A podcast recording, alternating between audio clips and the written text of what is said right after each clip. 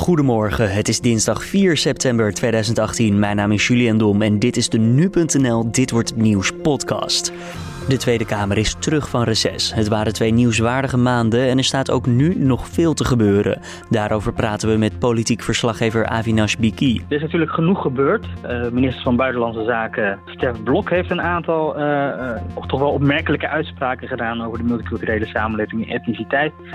Het is natuurlijk ook de dividendbelasting. En uh, we hebben natuurlijk weer uh, VVD'ers gehad uh, die in opspraak zijn gekomen. En we praten over de WK-kwalificatie van de Oranje Leeuwinnen. Zij spelen tegen Noorwegen en moeten minstens winnen of gelijk spelen om door te mogen naar het WK. Ook werden gisteren de Dutch Podcast Awards uitgereikt. Nu.nl wist niet te winnen met deze Dit Wordt Het Nieuws podcast. Maar de Willem podcast, die mede mogelijk wordt gemaakt door Nu.nl, won wel in de categorie nieuws. Ook daarover straks meer. Maar nu eerst het belangrijkste nieuws van afgelopen nacht. Luchtvaartmaatschappij KLM en pilotenvakbond VNV hebben een definitief akkoord bereikt over een nieuwe piloten-CAO. Een maand geleden dreigde de vakbond nog met stakingen als KLM niet de werkdruk zou verlichten. De nieuwe CAO bevat afspraken die de partijen op 1 mei al maakten. Daarbovenop is afgesproken dat de werkdrukverlichting eerder ingaat. De Amsterdamse hoofdcommissaris van de politie, Pieter-Jaap Aalbersberg, vertelde maandagavond bij het programma Pauw dat de Afghaan die wordt verdacht van het neersteken van de twee Amerikaanse toeristen op Amsterdam Centraal Station kort daarvoor al werd gesignaleerd door een speciaal daarvoor opgeleide agent. Je hoort Aalbersberg over de werkwijze van deze agenten. En die spotters van ons doen dat dus tientallen keren per dag. Ja? En dat gaat niet om uh, alleen terroristen, dat gaat ook om zakkenrollers, afwijkend gedrag. En als ze dat zien, en dat zag hij, hij zag deze man week af, keek anders, liep anders. Uh, op dat moment vraagt hij via zijn verbindingen of er twee collega's bijkomen. En wat doen ze dan? Dan spreken ze zo iemand aan. En dat gebeurt constant. De Bond van Wetsovertreders vindt nu dat de hoofdcommissaris zijn boekje te buiten is gegaan door deze informatie informatie te delen. Veel bedrijven maken zich wel zorgen over de gevolgen van het Britse vertrek uit de Europese Unie, maar verwachten er zelf niet direct door te worden geraakt. Slechts 1 op de 5 ondernemingen bereidt zich er actief op voor. Dat blijkt uit onderzoek in opdracht van het ministerie van Buitenlandse Zaken. Minister Sigrid Kaag van Buitenlandse Handel roept de ondernemers op om de gevolgen in kaart te brengen. En dan kijken we naar de nieuwsagenda van deze dinsdag 4 september, oftewel dit wordt het nieuws. Na twee maanden is de Tweede Kamer nu terug van reces. Normaal gesproken had dat een periode moeten zijn waarin Kamerleden zich kunnen focussen op hun vakantie. Maar dat was dit jaar wel anders. Wat er was gebeurd en wat staat de Kamer nu nog te wachten, dat vroeg collega Carné van den Brink aan Avinash Biki, politiek verslaggever van nu.nl. Er is natuurlijk genoeg gebeurd. Uh, minister van Buitenlandse Zaken Stef Blok heeft een aantal uh, uh, toch wel opmerkelijke uitspraken gedaan over de multiculturele samenleving en etniciteit. Het is natuurlijk ook de dividendbelasting, uh, de afschaffing daarvan, die maar niet weg wil gaan. En we hebben natuurlijk weer VVD'ers gehad die in opspraak zijn gekomen. VVD'er Van Haga, die mocht blijven. en VVD'er Hand en Broeken, die moest vertrekken. Ja, dit zijn al een hoop dingen die je inderdaad beschrijft die in twee maanden allemaal zijn gebeurd. Uh, in de recessperiode waar het normaal altijd heel rustig is.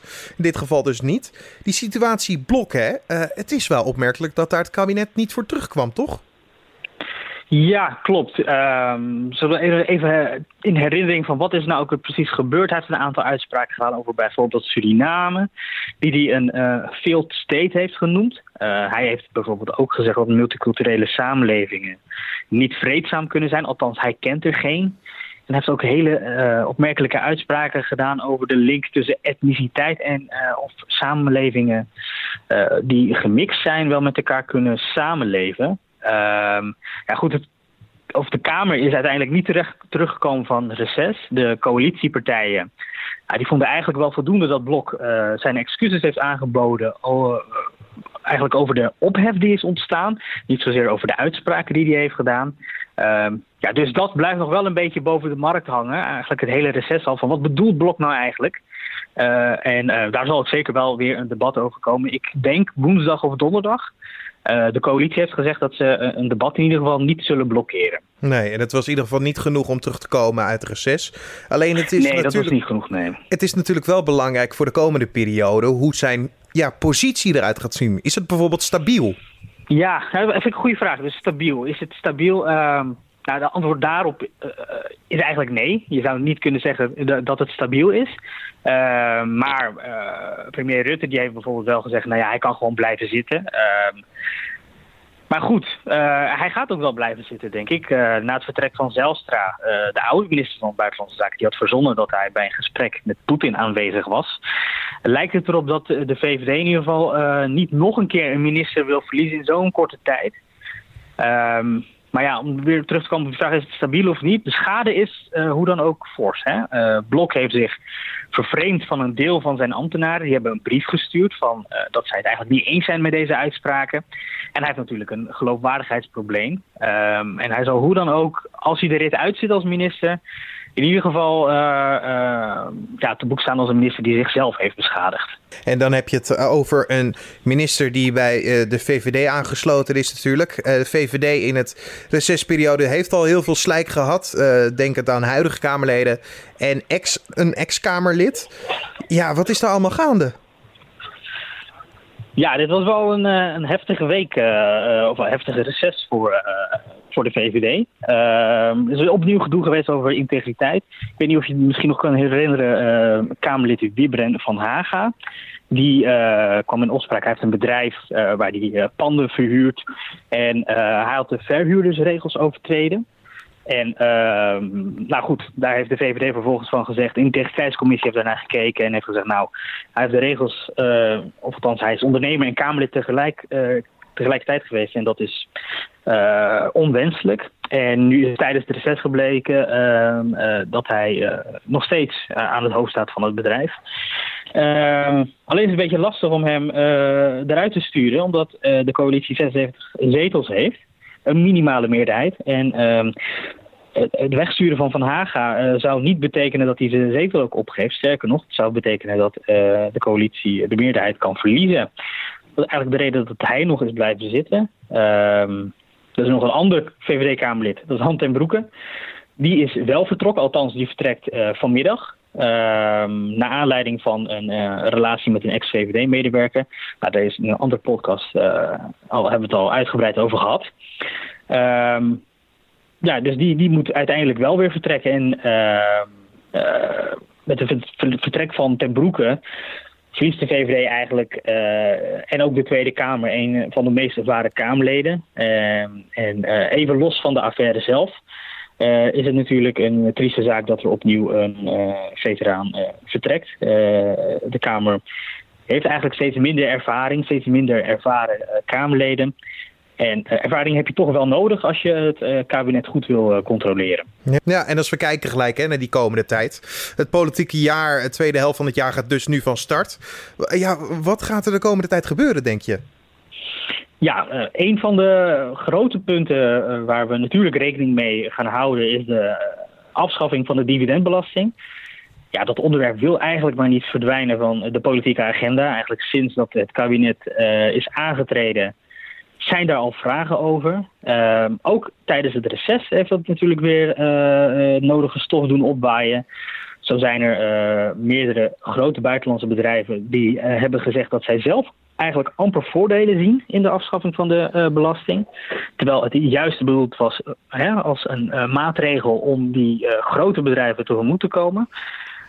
wat op zich wel opmerkelijk is. Ehm, en ehm, ja, dat is eigenlijk alleen maar munitie voor de oppositie. En dus heel, heel vervelend voor de coalitie en het kabinet. Uh, omdat nu eigenlijk alleen maar Shell, Unilever en Axo Nobel samen met dus die coalitie achter die maatregels staan. Uh, wat eigenlijk het beeld uh, alleen maar versterkt dat het kabinet in de zak zit van multinationals. Ehm, dus ja, dat is toch wel een beeld waar zij de komende tijd mee moeten gaan dealen.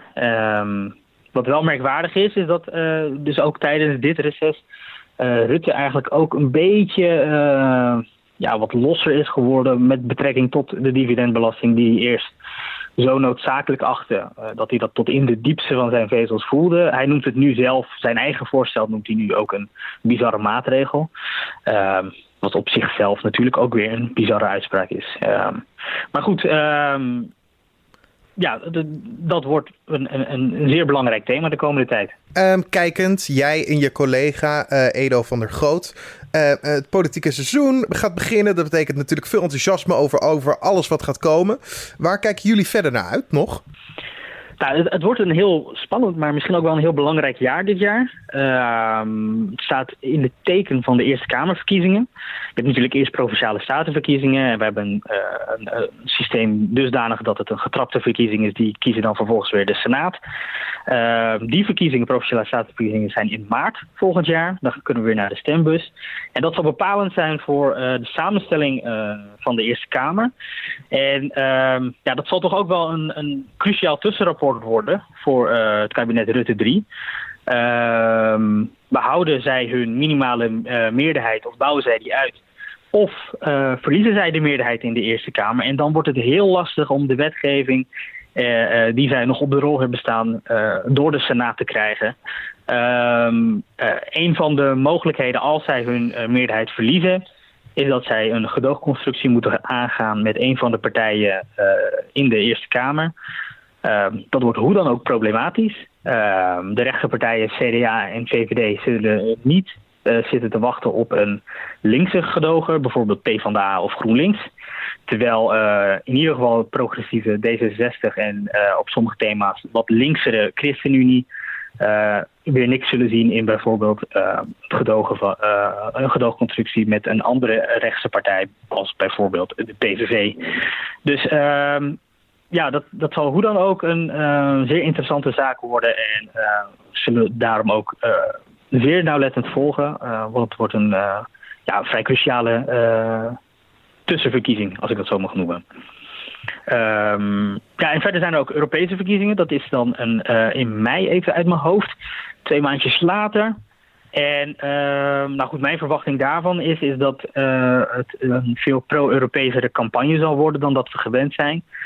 Uh, voorheen was er toch uh, ook in Nederland een bepaalde mate van eurocepsis. Uh, dat zal er nog steeds zijn bij partijen als eh, de PVV en in wat mindere mate de SP, denk ik. Maar je zal met name bij de VVD en ook het CDA toch wel horen dat Europa noodzakelijk is om ja, problemen met met name migratie gezamenlijk aan te pakken. Je hoorde politiek verslaggever Avinash Biki. Het is D-Day voor de Oranje Vrouwen. De voetbalsters spelen voor een ticket voor het WK in 2019. Om een plek te bemachtigen moeten de Leeuwinnen winnen of gelijk spelen tegen Noorwegen. Een land dat het Oranje nog wel eens lastig kan maken. Eerder wisten we slechts nipt met 1-0 namelijk te winnen in Heerenveen. Je hoort nu sportredacteur Riepke Bakker vanuit Oslo. Nou, die spanning is wel iets anders dan de, de afgelopen maanden bij kwalificatiewedstrijden. Want dan even die tegenstanders Ierland, uh, Noord-Ierland, Slowakije. Dat waren eigenlijk tegenstanders waar je niet van kon verliezen. En dit is ja, het enige sterke andere land in de pool, uh, Noorwegen. En ja, er mag niet verloren worden, want anders uh, is het WK heel, heel, heel ver weg. Um, ja, en met een gelijk ben je er. Dus er staat ontzettend veel druk op deze wedstrijd. Lieke Martens zei, zei gisteren al, ja, dit is de wedstrijd van het jaar voor. Ja, en ze spelen dus tegen Noorwegen. Daar hebben ze al eerder tegen gespeeld.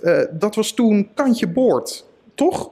Ja, toen werd het 1-0 door een uh, iets wat gelukkige treffer in de laatste minuut. De Nooren, er werd nog een penalty gestopt van, van de Noorse ploeg door Van Veenendaal. Ja, dat, dat was kantje boord. En ik denk ook dat het morgen best wel lastig wordt. het is hier een groot stadion. 15.000 mensen kunnen. Er komen er ongeveer een schatting 5.000. Dus het zal geen heksenketel worden. Maar het is wel ja, voor het eerst sinds een jaar eigenlijk dat het Nederlandse team weer een keer echt getest gaat worden. En ja, Noorwegen ze moeten winnen, dus ze zullen wat meer gaan aanvallen. En dat zal voor Nederland echt een winnen zijn. Uh, het is een stugge ploeg, het is een fysiek sterke ploeg. Ja, het, het, is heel, het is heel broos. Laat ik het zo zeggen. Als Nederland 1-0 verliest, is het klaar. Dus ja, uh, het is een beetje hopen dat Noorwegen wat naïver gaat voetballen. Op een gegeven moment wat meer druk op komt. Want dan hebben wij natuurlijk ja, Genies van de met de snelheid uit Martens met de snelheid. En dan kan vanuit de omschakeling kan Nederland het uh, helemaal beslissen. Ja, en jij hebt ook al met de bondscoach gesproken. Heeft ze iets losgelaten over de speelstijl van vandaag? Ze willen de, de, opstelling nog niet prijsgeven. Maar het, het, het, is eigenlijk zoals altijd de, de, vaste naam op het middenveld. Met, met Groene, met Spitsen, met uh, Van der Donk en, en voorin Miedema, Martens, Van der Zanden. Dat kan je allemaal invullen. Nederland mist wel Stephanie van der Gracht. is een belangrijke kracht achterin. Maar dit, dit elftal is voetballend beter. En dat zei de bondscoach Serena Wiegman ook. Het is twee topteams tegen elkaar, maar aan de bal heeft Nederland net iets meer kwaliteit. En dat, ja, dat uh, moet de doorslag geven. En als je kijkt naar, uh, wij hebben natuurlijk het EK in 2017 gewonnen. Is het groepsgevoel eigenlijk een beetje hetzelfde? Merk je dat? Uh, dat is uh, op zich wel, de sfeer is goed. Alleen de sfeer is wel iets anders. Toen zat het Nederlandse elftal in een flow. Niemand verwachtte iets van ze. Iedereen dacht, nou ja, als ze de tweede ronde halen, dan is het er nooit geslaagd. Toen we eigenlijk een beetje uit het niets wereldkampioen. Ja, nu is het totaal anders. Deze groep is veel volwassener geworden. Deze groep heeft ja, geleerd grote wedstrijden te spelen. Ze hebben zich al een keertje geplaatst voor het WK. Daar was het grootste deel van deze groep al bij. Ze hebben die ervaring van het, uh, van het EK winnen. Dus ja, het, het, het, is, anders, het is volwassener geworden, maar de, de sfeer is goed. En uh, ja, het is ook te hopen dat het voldoende is. En ja, qua ervaring moet het zeker lukken. Je hoorde nu sportredacteur Riepke Bakker vanuit Oslo. Beveiligers door heel Nederland leggen het werk neer tot middernacht voor een betere CAO. Er wordt onder meer gestaakt bij Schelmoerdijk, bij de Vrije Universiteit Amsterdam en in Rotterdam de Heek Airport. Ook bij asielzoekerscentra leggen beveiligers het werk neer. Beveiligers op Schiphol staken niet en dat vanwege een akkoord dat wel al op tafel ligt. De voormalige ecstasyhandelaar Ronald van Essen wil een getuigenverhoor van de erven van Willem Enstra en anderen afdwingen. Van Essen wil hiermee aantonen dat hij in de jaren 90 miljoenen euro's heeft overgedragen aan Enstra voor investeringen. De voormalige ecstasyhandelaar wil dat geld nu terug, maar de erven geven niet thuis. De rechter doet vandaag uitspraak in deze zaak. Dan kijken we nog even naar het mediaoverzicht voor deze dinsdag 4 september. Onno Hoes, voorzitter van het schakelteam Verward Gedrag, vindt dat mensen meer verantwoordelijkheid moeten nemen in het signaleren van verward gedrag bij mensen op straat. Dat zegt hij in een interview met Trouw, naar aanleiding van een onderzoek dat dinsdag wordt gepubliceerd. En de politie doet een oproep aan alle minderjarigen om te stoppen met sexting. Dat schrijft het AD. Dit jaar hebben zich dagelijks minstens zo'n drie slachtoffers bij de politie gemeld. De foto's en video's kunnen worden gebruikt om de persoon van wie ze zijn mee te chanteren. Slachtoffers moeten soms meer foto's sturen, seksuele handelingen verrichten of geld overmaken.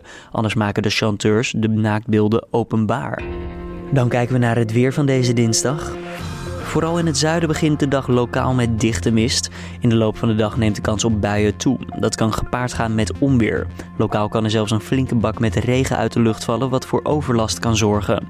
De temperatuur ligt tussen de 22 graden aan de kust tot zo'n 25 à 27 graden landinwaarts. En dan komen we nog even terug bij de Dutch Podcast Awards. Deze werden gisteravond uitgereikt. En zoals je aan het begin al hoorde, hebben we met de Dit wordt het nieuws podcast misgegrepen. Toch ontzettend bedankt voor alle stemmen en de nominatie zelf was natuurlijk al een prachtige mijlpaal op zich. De Willem podcast die elke vrijdag verschijnt op het weekendkatern van nu.nl en waarin je wordt bijgepraat over het Willem Holleder proces won wel in de categorie nieuws. De presentatie is in handen van Harry Lensink en Marian Huske. Kort daarna werd ook de beste podcast van Nederland bekendgemaakt. Die eer ging naar de podcast Bob. Een zesdelige serie over Elisa, een vrouw van 84 jaar die verliefd is op Bob. Een man waar haar eigen drie dochters tot op dat moment nog nooit van hadden gehoord. Wie is Bob en bestond hij ook daadwerkelijk? Dat verhaal hoor je in de podcast. Dit was dan de Dit wordt de nieuws podcast van deze dinsdag 4 september. We hebben wel niet gewonnen, maar we zijn er gewoon nog altijd. Elke maandag tot en met vrijdag om 6 uur ochtends op nu.nl.